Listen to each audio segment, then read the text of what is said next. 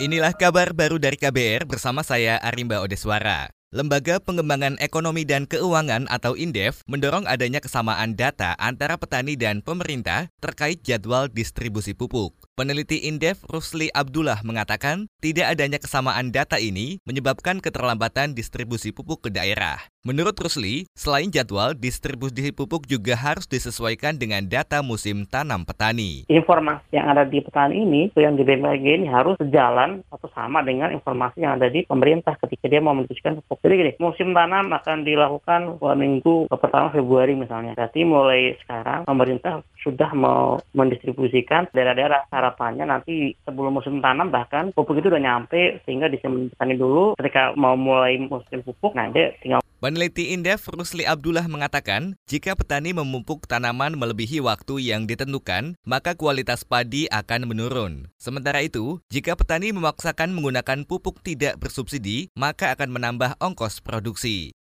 Perda Perlindungan Pangan tak mampu kurangi alih fungsi lahan pertanian di Yogyakarta. Pelaksana tugas Kepala Dinas Pertanian dan Ketahanan Pangan DIY, Sugeng Perwanto mengatakan, penurunan fungsi lahan berkisar antara 150 hingga 250 hektar per tahun. Sugeng mengklaim telah berupaya mengajak masyarakat bersama-sama menjaga lahan pertanian agar tak berubah fungsi. Yang pertama ya, kami ini selalu melakukan himbauan untuk mereka tidak mudah untuk melepas fungsi lahannya. Terus yang terpenting adalah kemudian izin alih fungsi mendirikan bangunan itu kan juga harus diperketat, terutama oleh teman-teman kabupaten. Karena kan mereka yang langsung menangani dan berada di lokasi. Pelaksana tugas Kepala Dinas Pertanian dan Ketahanan Pangan DIY, Sugeng Purwanto, mendorong petani mengembangkan tanaman organik untuk meningkatkan penghasilan. Alasannya, harga jualnya lebih tinggi.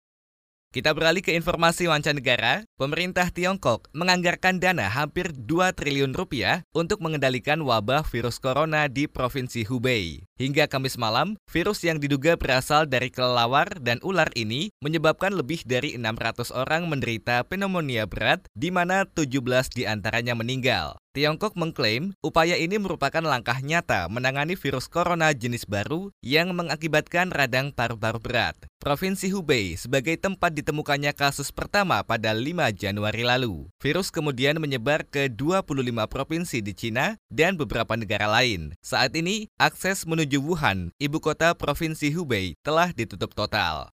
Beralih ke informasi olahraga saudara, tim nasional Indonesia U19 sore ini akan menjalani laga uji coba perdana melawan tim universitas dari Korea Selatan, Kyung-Hae University di Chiang Mai. Menurut asisten pelatih timnas U19 Nova Arianto, laga ini menjadi kesempatan bagi manajer Shin Tae-yong untuk menyaksikan kemampuan anak asuhnya setelah menjalani beragam latihan. Rencananya, ke-25 pemain akan diturunkan secara bergantian. Namun dua pemain, yakni Alveandra dan Gavhar tidak akan dimainkan karena cedera. Selama menjalani pemusatan latihan di Thailand, timnas U19 akan menjalani 5 hingga 6 laga uji coba melawan tim asal Thailand dan Korea Selatan. Demikian kabar baru dari KBR, saya Arimba Odeswara.